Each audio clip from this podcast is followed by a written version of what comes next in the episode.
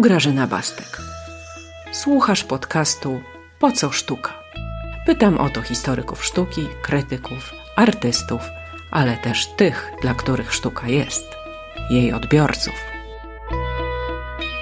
Dzisiaj moim gościem jest dr Monika Stobiecka, archeolożka i historyczka sztuki, Pracuję w Artes Liberales, na Wydziale Artes Liberales Uniwersytetu Warszawskiego i zajmuję się, tak jak przeczytałam na Twojej stronie, Moniko, to oficjalna będzie wersja, studiami muzeologicznymi, studiami nad dziedzictwem, prądami nowej humanistyki, a ja znam Monikę bardzo dobrze z podyplomowych studiów muzealniczych, gdzie Monika wykłada tendencje nowej humanistyki, kierunki nowej humanistyki i ogromny blok, za który jestem niezmiernie wdzięczna, poświęcony nowej muzeologii. Dzięki Monice nie muszę czytać tych wszystkich bardzo skomplikowanych, grubych, mądrych książek.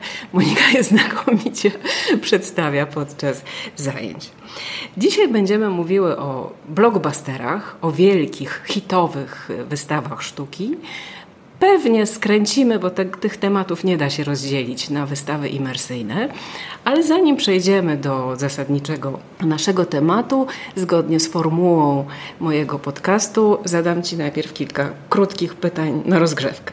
Super, one dziękuję będą, bardzo. One będą czasem mniej, czasem bardziej mądre, raczej głupie. Pierwsze pytanie. Wiele jest na całym świecie zabytków w ruinie stanowisk archeologicznych możemy sobie tylko wyobrażać, jak te miejsca wyglądały pierwotnie. Powiedz mi, jakie z tych miejsc chciałabyś zobaczyć w okresie świetności? To jest fantastyczne pytanie, doskonałe pytanie i wydaje mi się, że mam kilka po lekturze wspaniałej zupełnie książki, którą wszystkim bardzo polecam, czyli Narodziny Wszystkiego. Grebera i Łęgrowa. W tej książce różne stanowiska archeologiczne, takie topowe właśnie stanowiska archeologiczne, skoro jesteśmy dzisiaj przy topowości, przynajmniej mhm. wystaw, właśnie są pokazane w takim świetle poszukiwań równości, poszukiwań właśnie takich równościowych społeczeństw, społeczeństw e, egalitarnych i myślę, że chciałabym bardzo zobaczyć Mohenjo-Daro.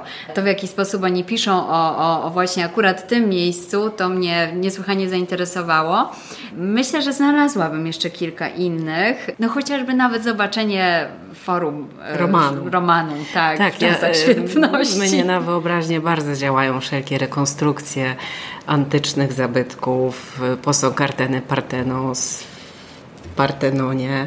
Uwielbiam rekonstrukcję wszystkich forów rzymskich, bo one nam pokazują, ile koloru było w antyku, prawda? To jest niezwykłe. To jest bardzo ciekawy aspekt tych rekonstrukcji. Kolorów, materiałów, a nie te piękne, wybłyszczone białe marmury to przynajmniej do części z tych epok mamy dostęp dzięki fantastycznej grze komputerowej Assassin's Creed, przynajmniej dodatek Odyssey, który rekonstruuje Grecję starożytną. Mm -hmm. To jest coś, co nawet w takim trybie eksploracji można sobie zobaczyć, tak. można pojeździć na koniu po starożytnej Grecji i chociaż liznąć tej starożytnej Grecji w takiej cyfrowej, bardzo imersyjnej formie. Mm -hmm. Drugie pytanie, rozgadałyśmy się przy pierwszym. Tak. E, drugie pytanie pytanie, czy uważasz, że marmury, tak zwane marmury Lorda Elgina powinny wrócić do Grecji? Tak, uważam, że tak, bo moim wielkim marzeniem byłoby zobaczenie to jest marzenie oczywiście, które się nigdy nie spełni. Mhm. Chciałabym zobaczyć puste British Museum i miałabym taką ideę, żeby na przykład w miejscu tych wszystkich zwróconych obiektów były chociażby QR-kody, można Aha. byłoby je zeskanować i dowiedzieć się całej historii. I myślę, że oczywiście ukryte gdzieś na podłodze, umieszczone, może gdzieś z boku na ścianie, one nie przyciągałyby naszej uwagi, tak jak właśnie taka pustka muzealna. Mm -hmm. Myślę, że to by było że oczywiście to jest taki sen, który się pomysł. absolutnie się nigdy nie ziści, Aha. bo gdyby e, British Museum miało cokolwiek oddać... To by e, przestało to by, istnieć. Tak, to zostałoby tam kilka, kilka obiektów brytyjskich, e, oczywiście też wybitnych, no ale w związku z tym, że one i tak nie są wystawione mhm. powiedzmy w centrum wystawy, no to też nam pokazuje co tutaj w tym muzeum jest istotne, co mhm. jest ważne. I ostatnie pytanie, które nas naprowadzi na właściwą już rozmowę. Czy chciałabyś razem z Howardem Carterem odkrywać grobowiec Tutenchamona w 1922. Nie no, myślę, myślę, że oczywiście tak. No, chyba, chyba każdy by każdy chciał. By chciał. Chyba, chyba nie ma osoby na świecie, która by powiedziała nie. Mhm. Z jakiegoś względu. To ja powiem Państwu, miałam to powiedzieć później, ale może powiem od razu, że przygotowując się do tej rozmowy, mm, poszłam do Muzeum Nowej Pragi na Jagiellońskiej, żeby zobaczyć obecnie wystawianą w Warszawie ekspozycję, która nazywa się Tutenhamon, Skarby i Grobowiec. I byłam pod wielkim wrażeniem tego, co tam zobaczyłam, mimo że zobaczyłam wyłącznie repliki oryginałów i filmy i materiały dydaktyczne, ale one zrobiły na mnie takie wrażenie, jakbym się właśnie razem z Howardem Carterem znalazła w Egipcie i kopała, tak, odkrywała te wszystkie kolejne drzwi, yy, odgruzowywała przejścia i komory. No to było wydarzenie dla mnie bardzo duże, jeszcze pewnie o nim będziemy mówiły. No wiadomo, każdy by chciał być z Howardem Carterem. Tak, absolutnie. I chyba na tym polega sukces tych wielkich wystaw, bo chyba jednym z pierwszych światowych blockbusterów, czyli jedną z pierwszych hitowych wystaw na świecie była właśnie wystawa poświęcona temu, co z grobowca wyjęto, co znajdowało się w Muzeum Kairskim i przez wiele lat w kilku ekspedycjach, bo to nie była jedna wystawa, nie, tak, jeździła po świecie. Chyba największa była ta, która rozpoczęła się w 1900 1971 roku, zresztą na mocy porozumienia pomiędzy prezydentami Egiptu i Stanów Zjednoczonych. Tak, przede wszystkim powinnyśmy wyjść od tej właśnie wystawy Skarby Tutenchamona, która była zorganizowana w 1972 roku w British Museum, która okazała się absolutnym, absolutnym hitem, frekwencyjnym, medialnym, która była tak dużym sukcesem, że, że trwała do 1979 roku, przejechała do Stanów Zjednoczonych, gdzie zgromadziła rekordową publiczność i z perspektywy dzisiejszych studiów muzealnych muzealnych, zwłaszcza archeologicznych studiów muzealnych, podkreśla się właśnie, że to wtedy ukuł się mit tego, że dobra mumia sprzeda wszystko. To znaczy, że właśnie jest, są pewne motywy w archeologii, które zawsze, niezależnie od tego, gdzie są wystawione, jak są wystawione, one i tak zawsze przyciągną tłumy. Mm -hmm. Niezależnie, czy będą w tym dzisiaj już brały udział multimedia, czy, czy tych multimediów nie będzie, czy będą kopie zabytków, czy będą oryginalne zabytki. Jeśli mamy w tytule faraonowie, Egipt, e, mumie. piramidy, mumie. Na pewno na któreś z tych członów w tytule przyjdzie bardzo dużo zwiedzających. Tak i zresztą te kilkukrotnie powtarzane wystawy o podobnych tytułach, bo to był skarb Tutenchamona, skarby Tutenchamona, tak tych kampanii wyjazdowych z Egiptu na cały świat było bardzo wiele.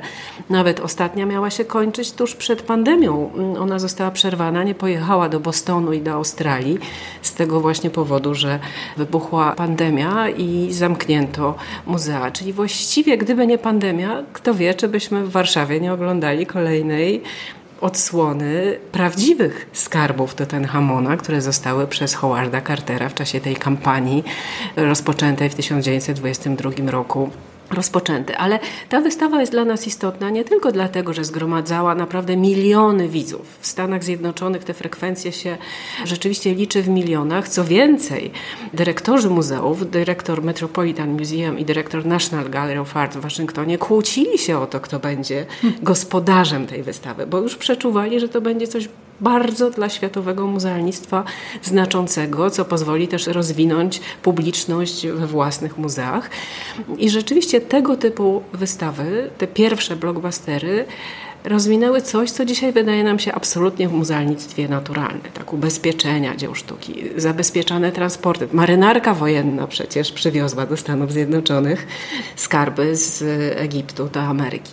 Wreszcie kurierzy, wreszcie zabezpieczenia, sklepiki muzealne. To, co dzisiaj dla nas jest czymś tak oczywistym, że wychodzimy z wielkiej wystawy i kupujemy z niej pamiątki, tak naprawdę rozpoczęło się właśnie przy tych wielkich wystawach, gdzie się kupowało nie tylko koszulki, koszulki czy breloczki, ale też kupowało się repliki tych skarbów, tak, Tutenhamona. To był wielki, wielki interes, który zresztą miał zbierać pieniądze dla Egiptu, dla Kairu na rozbudowę i remont Muzeum Kairskiego, które zresztą w tej nowej odsłonie chyba nadal nie jest otwarte, prawda? To wielkie Muzeum Kairskie jeszcze nie istnieje Tu jest ciekawy bardzo aspekt tej komercjalizacji, mhm. tego rozwoju powiedzmy pamiątkarstwa muzealnego, bo na ten aspekt zwracali uwagę, zwłaszcza w latach 80. i 90. badacze zajmujący się dziedzictwem, problematyką ochrony dziedzictwa, popularyzacji dziedzictwa. I Kevin Walsh, autor takiej książki pod tytułem The Representation of the Past, czyli reprezentacja przeszłości, on powiązał blockbustery z czymś, co wcześniej omawiał inny brytyjski badacz, czyli Robert Hewison, czyli przemysłem dziedzictwa w książce pod tym mhm. samym tytułem. I właśnie on stwierdził, że nie tylko ten rozwój, powiedzmy, sklepów muzealnych, nie tylko to, w jaki sposób muzeum jest w stanie kapitalizować na takiej wystawie, ale też jak muzeum przestaje być już tym miejscem, gdzie ta wystawa się odbywa, że to nam mówi o przemysłowieniu dziedzictwa. I to było bardzo ciekawe, ponieważ on jako swój koronny argument podał to, że kolejna odsłona wystawy o Tutenhamonie po skarbach Tutenhamona, czyli wystawa Tutenhamon i Złoty Wiek, odbywała się już nie w British Museum, tylko w O2 Dome, czyli jakby hali, mhm. która ma stricte komercyjne funkcje, stricte rozrywkowe funkcje, tam odbywają się różne, różne koncerty, różne występy i właśnie tam została ulokowana e, ta wystawa, co należałoby właśnie czytać, tak twierdzi przynajmniej Hewison, e, nie, nie Hewison, tylko Walsh, należałoby to właśnie czytać w takiej perspektywie uprzemysłowienia, kapitalizacji, komercjalizacji dziedzictwa, która też prowadzi do zubożenia jego zdaniem kultury czy też dziedzictwa narodowego, albo może tak lepiej lokalnego, na korzyść właśnie takich hitów, za którymi wszyscy podążają. I jakby dalej pójść tropem jego myśli, można by było się zastanowić nad tym, gdzie są w Polsce takie wystawy mhm. organizowane. I tutaj mhm. zwróćmy uwagę na to, że mamy na przykład te wystawy coraz bardziej popularne na Stadionie Narodowym. Albo tak? w, po fabrycznych budynkach, tak, tak jak tak. w fabryce Norblina. Chociażby. To Muzeum Nowej Pragi, gdzie jest wystawa o Tutenhamonie Hamonie z replikami obiektów wykopanych z grobu i rekonstrukcją całego grobowca, znajduje się też w jakimś centrum handlowym. Tak? Przyczepione jest do centrum handlowego i te współczesne wystawy, bo chyba musimy zacząć wprowadzać pewne już rozróżnienia, pewne kategorie do naszej rozmowy, bo zaczęłyśmy rozmawiać o wystawie Skarby Tutenhamona, która była no, wspaniałą ekspozycją. No, marzyłoby mi się zobaczyć tę maskę złotą, te wszystkie przedmioty wykopane, uszepti, trony, podnóżki, łodzie, skrzynki hebanowe. Tak? No, tam jest mnóstwo przepięknych przedmiotów no rozumiem tę publiczność w Ameryce, w Australii, w Europie, która chciała dotknąć, no dotknąć to może tak, za dużo powiedziane, zobaczyć tak na własne oczy to, co kryła ziemia i grobowiec przez tysiące lat. Szczególnie, że te przedmioty są przepiękne, tak? Znakomicie wykonane z kunsztownych, drogich materiałów. No to jest coś niebywałego. Nawet repliki, jak Państwu powiedziałam przed chwilą, robią wrażenie. To jest niebywałe, że te repliki zresztą są świetnie wykonane. I ta wystawa warszawska sprawia wrażenie, tak jakby była wystawą muzealną. Tam jest przytłumione światło, są gabloty, są audioprzewodniki, można sobie wypożyczyć coś takiego, są podpisy dla starszych i dla dorosłych, dla dzieci nieco niżej prostym językiem. Gdyby nie świadomość tego, że mamy do czynienia z replikami, naprawdę można byłoby się dać nabrać, że jesteśmy w muzeum tak? i przez chwilę zapomnieć, że jest się w pofabrycznej jakiejś hali komercyjnej. No i to rozróżnienie nasze chyba właśnie powinno pójść w tę stronę, że z jednej strony mamy prawdziwe dzieła sztuki, tak jak się mówi popularnie, oryginały mm. i wystawy sztuki, które też mogą zdobyć niezwykłą ogromną publiczność, a z drugiej strony mamy przemysł rozrywkowy, który co i róż w coraz bardziej nowoczesnych mediach, w coraz bardziej atrakcyjny sposób sprzedaje nam innego rodzaju wystawy, takie jakby rozrywkowe. One się różnie nazywają, one wykorzystują różnorodne metodologie, ale już nie są wystawami sztuki. I tu też dałoby się wprowadzić pewnie różne kategorie, bo z jednej strony mamy takie wystawy typu projekcje, że możemy sobie od sufitu do podłogi zobaczyć powiększenia obrazów Fridy Kahlo, Van Gogha, Klimta, albo wystawy robione przez artystów, którzy wykorzystują techniki cyfrowe, wirtualną rzeczywistość i możliwości współczesnej techniki do tworzenia własnych, oryginalnych, wspaniałych dzieł sztuki. Na przykład Irma Studio w Amsterdamie pokazuje swoje rzeczy w Moko Muzeum. Mamy wreszcie artystów jak David Hockney, który w tej chwili w Londynie ma swoją własną wystawę w centrum właśnie takim imersyjnym. Także mamy nawet w tych wystawach rozrywkowych tak, też właśnie coś, co może zahaczać o a właściwie jest ciekawą propozycją artystyczną. Nie sądzę, żeby David Hockney zrobił coś nieciekawego. A z drugiej strony mamy właśnie te projekcje, które są, no, żerują na sławie gwiazd z dziedziny historii sztuki.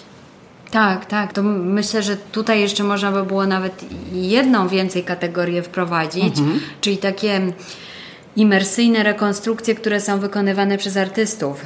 I tutaj warto by było e, zwrócić uwagę na wystawę, która się odbywa teraz w miejsce zamkniętego Muzeum Pergamońskiego.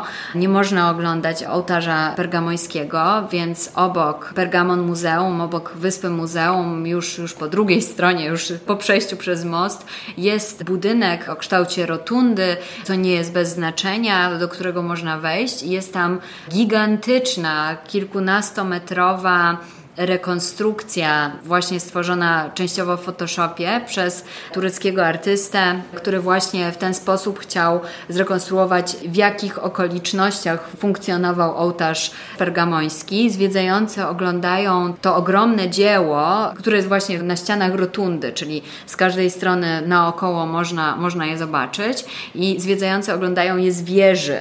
I co mhm. jest tutaj jeszcze bardzo ciekawe, to fakt, że zostały wprowadzone różne pory dnia, czyli czyli w momencie, zmienia kiedy... się światło. Tak, zmienia się światło, płonie ogień, są dźwięki, jest, jest zabawa, jest jakaś procesja, jest coś wystawiane w teatrze, więc mamy całą paletę dźwięków, zbliża się burza, więc słyszymy też grzmoty, wstaje słońce, więc, więc słyszymy gdzieś koguta piejącego w tle. Bardzo właśnie taki wciągający spektakl, mimo że w zasadzie to użycie multimediów tutaj jest nieszczególnie spektakularne, to znaczy może inaczej, nieszczególnie odczuwalne, tak? bo widzimy że to wygląda jak zdjęcie, to nie jest zdjęcie, o czym wiemy, bo jest to mhm. rekonstrukcja stworzona różnymi nowymi technologiami. Mamy wprowadzoną grę świateł, grę dźwięków, więc tutaj jeszcze bym dodała taką jedną kategorię właśnie imersyjnych rekonstrukcji. Kiedy mówiłaś o tym, przypomniały mi się typy wystaw niezmiernie popularne w XIX wieku, bo założyłyśmy, że będziemy rozmawiać o wieku XX, kiedy blockbustery się zaczęły, będziemy rozmawiać o współczesności, a właściwie dlaczego by nie sięgnąć do fenomenu wielkich wystaw XIX-wiecznych, które w obrębie dostępnych wówczas środków technologicznych oferowały ludziom właśnie to samo, co dzisiaj nam oferują parki rozrywki czy muzea nauki, czyli wielkie panoramy, wielkie rekonstrukcje bitew, rekonstrukcje koronacji. To był niebywały fenomen kiedy Robert Barker stworzył patent na panoramy, bardzo szybko zarobił na dwóch pierwszych wystawach, na wystawienie na Leicester Square, czyli w centrum Londynu, wielkiego budynku, w którym mieściły się na dwóch kondygnacjach dwie panoramy, mniejsza na górze, większa na dole. I przez wiele lat, a historia zaczęła się przecież w latach 80. XVIII wieku, gromadził tam nieprawdopodobną publiczność, którą właśnie porywał rozszerzeniem rzeczywistości. Mm. Oczywiście środkami, które były wówczas dostępne, czyli były malowane dioramy, panoramy, obrazy, do tego były dźwięki, był lektor, mogły być też lampy magnezjowe. Zapominamy o tym fenomenie, który przecież bardzo przypomina nam to, co się w chwili obecnej dzieje, tylko zmieniły się środki, zmieniły się technologie. Też znakomite przecież były pokazy wielkich obrazów, trochę na zasadzie gabinetu strachu. Jak tratwa meduzy pojechała do Anglii, to przecież była pokazywana w takim specjalnym wozie, właśnie z lektorem, z lampami. Pewnie straszyła publiczność, tak? bo to trochę na zasadzie takiego gabinetu strachu musiało działać.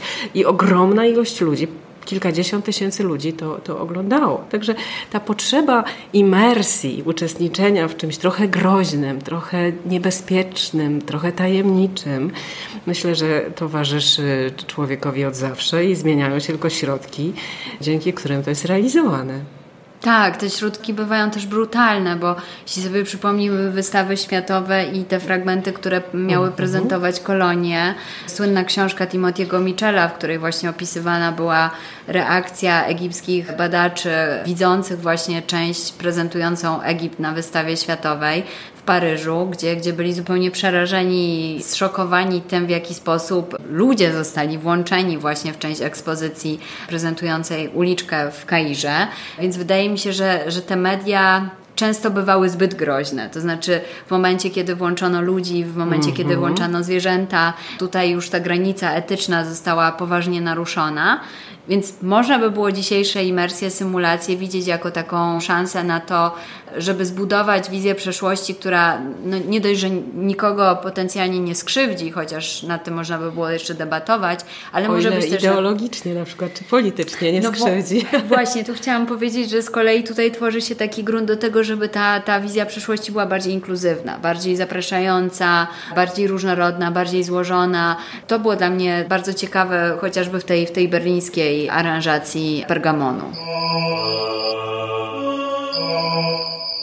Wróćmy do blockbusterów. Powiedz mi, co musi być spełnione? Jakie muszą być spełnione warunki, żeby powstał współcześnie blockbuster?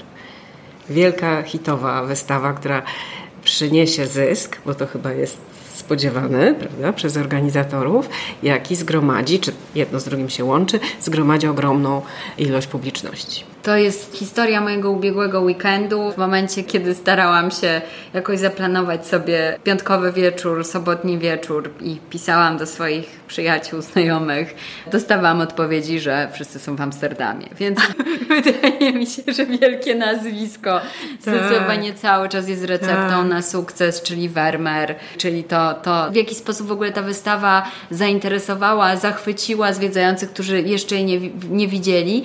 Dla mnie chyba była najciekawsza najciekawsza historia właśnie jednej z moich koleżanek, która opowiadała mi, jak właśnie próbowała kupić bilet. System się zawiesił, tak. odświeżała stronę przez całą noc i rano udało jej się dostać bilet. Także też pewien rodzaj poświęcenia, ale tego, że też ludzie nie chcieli odpuścić, mhm. że, że tak bardzo dużo osób nagle właśnie zawitało tak. do Amsterdamu, no, który oczywiście jest taką jedną z wielu europejskich stolic e, sztuki.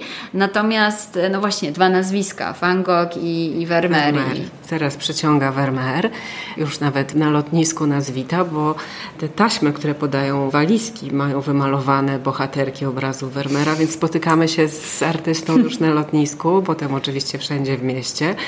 No i prowadzą nas te plakaty, wielkie billboardy do samego muzeum. Rzeczywiście system zawiesił się już parę dni po otwarciu wystawy. Już parę dni po otwarciu wystawy nie można było kupić w przedsprzedaży biletów. Muzeum się przyznało, że w ciągu paru dni po otwarciu sprzedało 450 tysięcy biletów, tych, które były przewidziane do przedsprzedaży. Na szczęście Sprzedają również codziennie, jest jakaś określona pula biletów dla tych, którzy po prostu przyjdą do muzeum. Wydłużyli godziny otwarcia. Samej wystawy nie da się przedłużyć, bo umowy zobowiązują. Ostatecznie ile osób zobaczy tę wystawę nie wiemy. Na pewno te 450 tysięcy, które już kupiło bilety.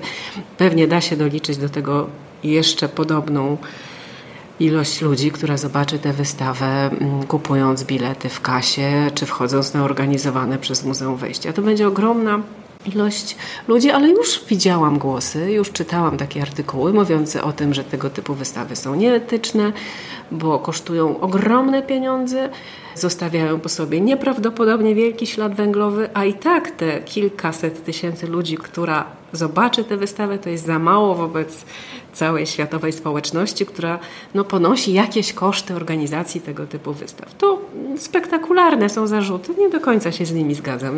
Co ty o tym sądzisz?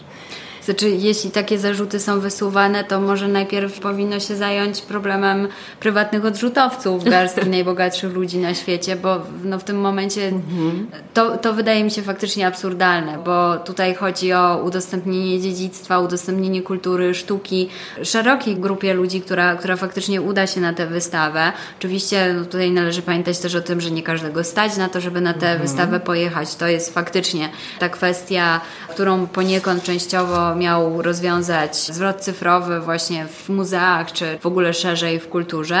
Natomiast y, jeśli już mówimy o, o kosztach klimatycznych, to może zacznijmy najpierw dyskusję mm -hmm. od najbogatszych, mm -hmm. którzy też często bardzo w swoich kolekcjach mają takie obrazy, mają takie dzieła, mają takie artefakty i akurat te obiekty mm -hmm. najrzadziej podróżują. Kiedy zapytałam Cię o to, co musi być spełnione, aby wystawa była blockbusterem, powiedziałaś o nazwisku. Tak. I rzeczywiście, to musi być nazwisko, które przyciąga. Wiemy, że Van Gogh przyciągnie, Frida Kahlo, Andy Warhol, ale nie tylko artyści, bo przecież moje ulubione angielskie, londyńskie muzeum Victoria and Albert organizuje też wystawy gwiazd rocka.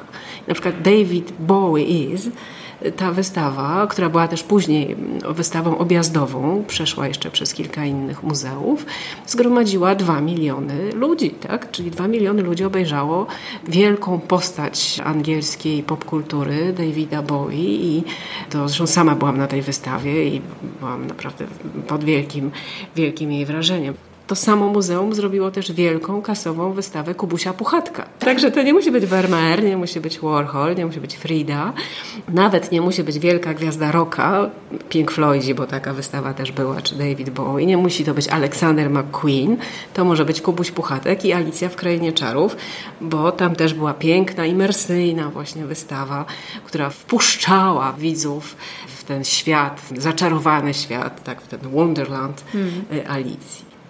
Ale myślę, że jeśli jesteśmy przy nazwiskach jeszcze, może odbiegając na chwilę od Kubusia Puchatka, chociaż też warto by było pewnie o tym porozmawiać, uh mhm. -huh. ale pomyślałam sobie o tym, że blockbuster, jeśli odpowiednio przygotowany, jest też taką świetną okazją na to, żeby pewne tematy, pewne figury świata sztuki odczarować. I tutaj kojarzy mi się niedawna wystawa Andy'ego Warhola w, w Tate 2020 albo 2021, której właśnie nie wycentrowano tych jego kasowych obrazów, tych hitów, właśnie puszki zupy Campbell's, czy Coca-Coli, czy portretów Marilyn Monroe, tylko właśnie w centrum były portrety drag queen, które malował właśnie będąc członkiem tego świata artystycznego Nowego Jorku, tego właśnie queerowego, bardzo też kolorowego świata Nowego Jorku. I to wydawało mi się takim odważnym wykorzystaniem właśnie faktu, że ludzie przyjdą na Warhola, ale pokażemy ale im coś więcej. Tak, mhm. tak, pokażemy coś więcej, pokażemy coś, czego się nie spodziewają. I w taki sam sposób, myślę, czytałam wystawę, to była mała wystawa, ale też wystawa Warhola, którą, którą widziałam w muzeum, w Galerii Sztuki na Stanfordzie, gdzie oczywiście obraca się ogromnym kapitałem i uczelnia organizuje bardzo dużo wystaw właśnie w swoich muzeach, których jest kilka i właśnie Warhol był z kolei zaprezentowany z tej perspektywy cyklów dotyczących wypadków samochodowych tak. i katastrofy. tak, tak. Lotnicze I też, dokładnie, samobójstwa. Tak. Dokładnie. Mhm. Więc myślę, że myślę, że śmierć Kennedy'ego. Tak. tak. Mhm. Więc, więc myślę, że tu jest też bardzo duży potencjał w tych wystawach, które właśnie posługują się wielkimi nazwiskami, potencjał odczarowania tych nazwisk mhm. albo skonfrontowania tych nazwisk. Albo wpuszczenia, tak jak powiedziałaś, nowych treści. Mhm. Czegoś, tak. na co publiczność do tej pory nie zwracała uwagi, a nasze czasy są na to wyczulone i Dokładnie. można przewartościować, zmienić sposób widzenia pewnych zjawisk czy, czy artystów. A powiedz, pamiętasz, sama byłaś na jakiejś wspaniałej, blockbusterowej wystawie, o której chciałabyś powiedzieć? Tak, dwie. Jedna była wspaniała, a z drugą mam fantastyczne wspomnienia. E, ale nie była wspaniała. Była ciekawa, była dobra, była dobra, ale głównie pamiętam Aha. tłum.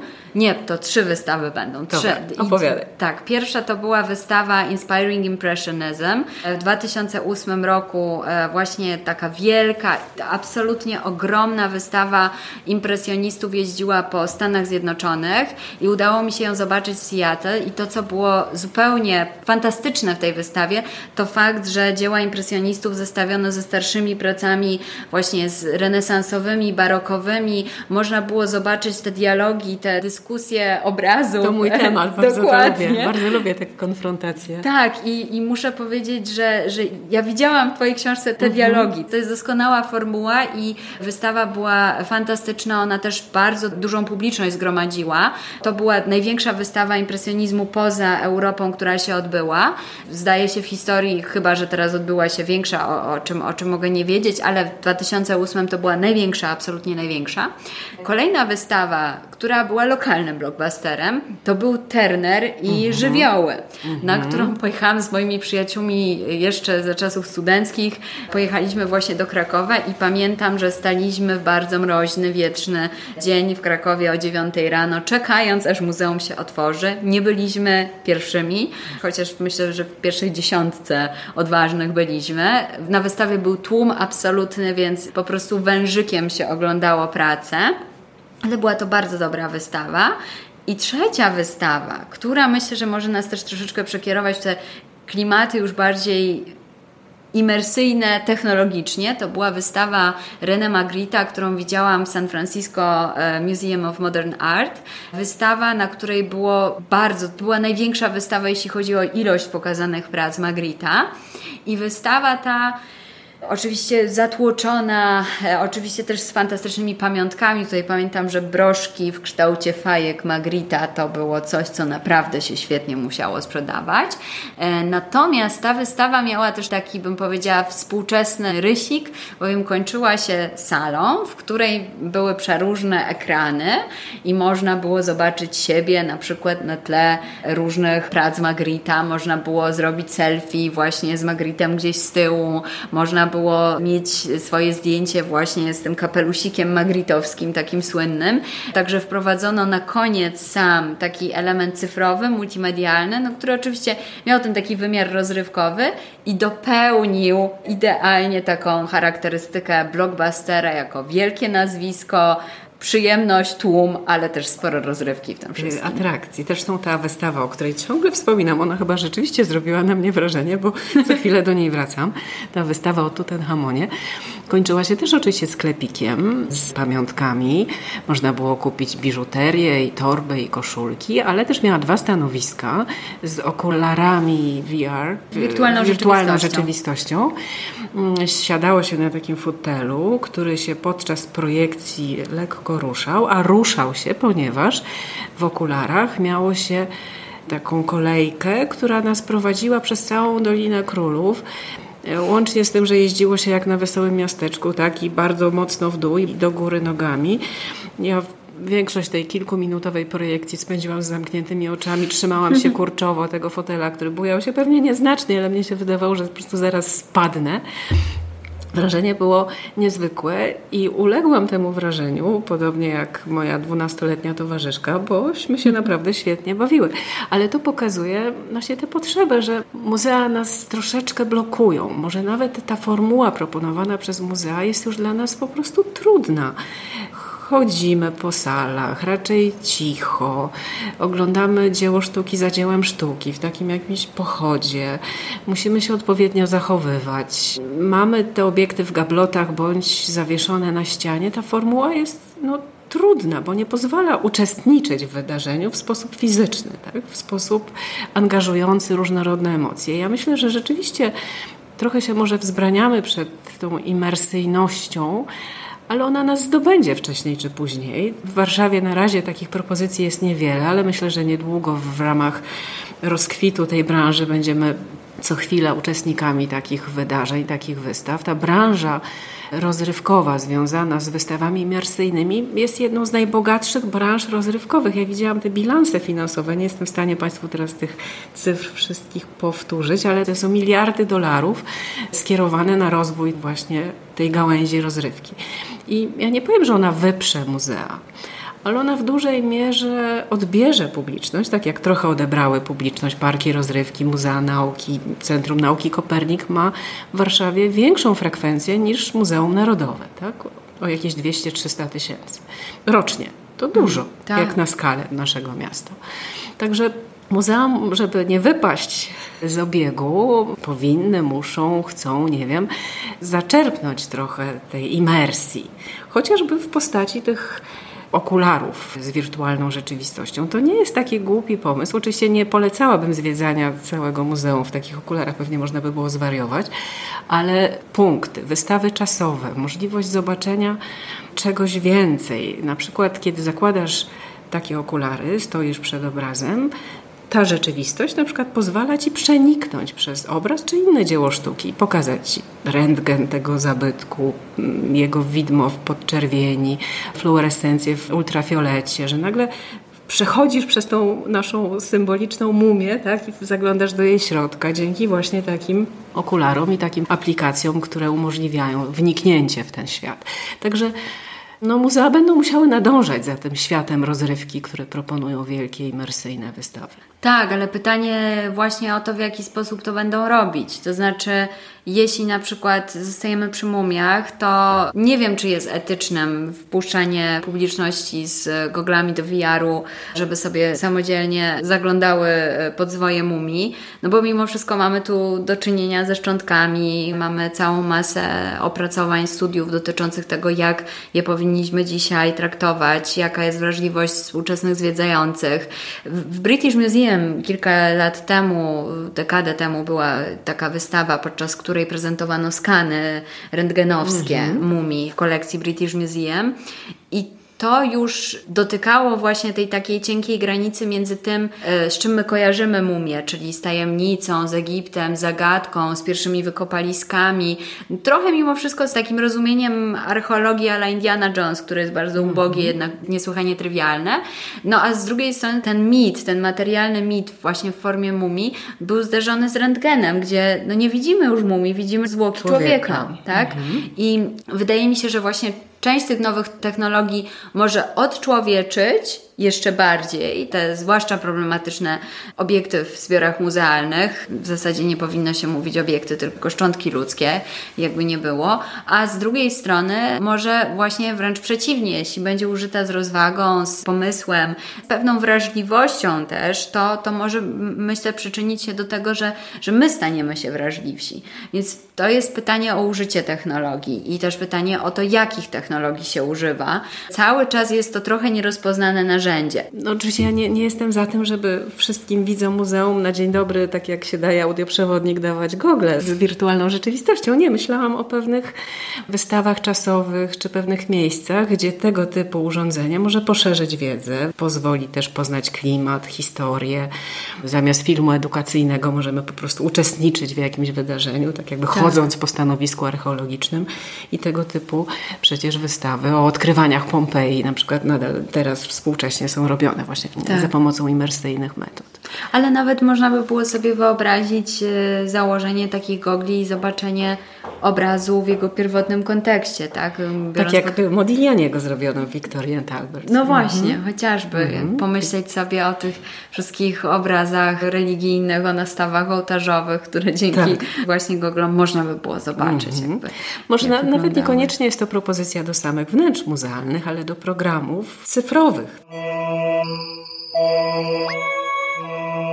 Jaką imersyjną wystawę chciałabyś zobaczyć i na czym Twoim zdaniem taka prawdziwa imersja, nie myli właśnie z projekcją, powinna polegać? To jest niezwykle trudne pytanie, bo ja generalnie nie przepadam za bardzo za wystawami imersyjnymi, wręcz mam wrażenie, że jak na nich jestem, to raczej doświadczam emersji, czyli tego wynurzenia, tego poczucia, że coś jest nie tak, że coś mi ktoś sprzedaje, że, że to jest nieprawdziwe, że nie wiemy, czy coś tak wyglądało. Jestem bardzo nieufna generalnie generalnie, mm -hmm. bo mam też poczucie, że za tymi wszystkimi narzędziami nie stoją często materialne pozostałości, czy to, co możemy z nich wyciągnąć, ale jednak ludzie, którzy mają pewną wizję nie wiem, przeszłości danego tematu, danego aspektu, wycinka historii i to oni tę przeszłość dla mnie spreparowali. I tutaj wydaje mi się, że może zbyt szybko uruchamia mi się aparat krytyczny, żeby się zanurzyć faktycznie, bo mam cały czas poczucie, że jestem oszukiwana. Ale równie dobrze możesz być oszukiwana informacją, którą czytasz w książce, w katalogu wystawy, czy na planszy towarzyszącej wystawie, bo kurator y, jest autorem tak, koncepcji, pomysłu, sposobu na sprzedanie wiedzy i niezależnie od tego, czy robi to za pomocą multimediów, czy robi to za pomocą tekstu, ale na tym polega właśnie siła multimediów, że mhm. jesteśmy skłonni bardziej im uwierzyć, bo one są bardziej teatralne, tak. bo są bardziej filmowe. Zresztą bardzo dużo takich rekonstrukcji, symulacji, wizualizacji wykorzystuje efekty filmowe. Mamy tutaj właśnie więcej możliwości, żeby się zanurzyć i mniej możliwości, żeby to zakwestionować. Mniej przestrzeni do kwestionowania, zadawania sobie pytań tak jak w opisie kuratorskim, na planszy, czy nawet w podpisie pod eksponatem, możemy zostawić pewną przestrzeń na, na własną refleksję zwiedzających, możemy wprowadzić e, jakiś rodzaj pytań, możemy pchnąć ich do refleksji, tak? Natomiast tutaj wydaje mi się, że ta przestrzeń jeszcze nie została wymyślona. Albo ja przynajmniej nie byłam na takiej wystawie, w której znalazłabym dla siebie na tyle, na tyle przestrzeni, żeby, żeby zadać sobie właśnie pytania, albo żeby właśnie mocniej, głębiej wejść w taką przeszłość. Wolę zagrać w Assassin's Creed. A ja z kolei lubię tego typu wydarzenia. I wracając do tych XIX-wiecznych pomysłów, wielkie wrażenie na mnie zrobiła panorama Mazdacha, plaża w Scheveningen, którą można oglądać w Hadze. To jest jedna z nielicznych do tej pory działających panoram, czyli można wejść do budynku i w pewnym momencie schodkami wejść na górę i znaleźć się na tarasie widokowym, drewnianym, i zostać otoczonym morzem, szumem morza, dookoła piasek, gałązki, bo zanim oczywiście zacznie się malowidło, to mamy jeszcze tę mm. prawdziwą rzeczywistość, która udaje, tak jak na panoramie Racławickiej, prawda, tak. porozrzucane różne elementy z pola bitwy. I to jest wspaniałe wrażenie, naprawdę. Wychodząc z tego ciemnego korytarza na górę, na tę plażę, doznałam olśnienia. Jeju, jak fajnie! Poczułam się tak jak XIX-wieczny widz, oszołomiony trochę takim miłym oszustwem. I tego typu miłe oszustwa wydaje mi się, że były czymś bardzo pociągającym w XIX wieku, bo wyobraźmy sobie bitwy napoleońskie albo podróż przez Mississippi w panoramach, gdzie jeszcze te panoramy były ruchome, bo nie wszystkie były tak. nieruchome. Były też panoramy ruchome, gdzie widz siadzał w wagoniku kolejowym czy na łodzi. Te łodzie się nie ruszały, to panoramy się mhm. ruszały, tak? Na jakichś rolkach były przesuwane i widz miał wrażenie, że to on się rusza, a tak naprawdę ściana przed nim się rusza. I to są, myślę, że wspaniałe, wspaniałe doznania i Dzisiaj współczesne technologie też nam tego typu doznania dostarczają, czyli na przykład choćby elementy takiej imersji, takie elementy zanurzenia się jakby w innym świecie niż tylko zdjęcie, dzieło sztuki, plansza i opis. I nawet z bliskiego podwórka mogę coś takiego przytoczyć w Muzeum Powstania Warszawskiego, który jest już jakby oddzielnym tematem tak, tak, do rozmowy. Y, można znaleźć tunel, kanał tak? taką przestrzeń, która udaje kanał. Ja do tego kanału nie weszłam. Po obejrzeniu filmu Wajdy i po tej nagromadzonej przez lektury i zdjęcia wiedzy, jaką mam o tym kanale, nie byłam w stanie wejść do bezpiecznej przestrzeni w muzeum, która udaje tak, takie przejście pod ulicami miasta, mimo że tam przecież było sucho i nie było brzydkich zapachów, tak? a i tak do tego nie weszłam.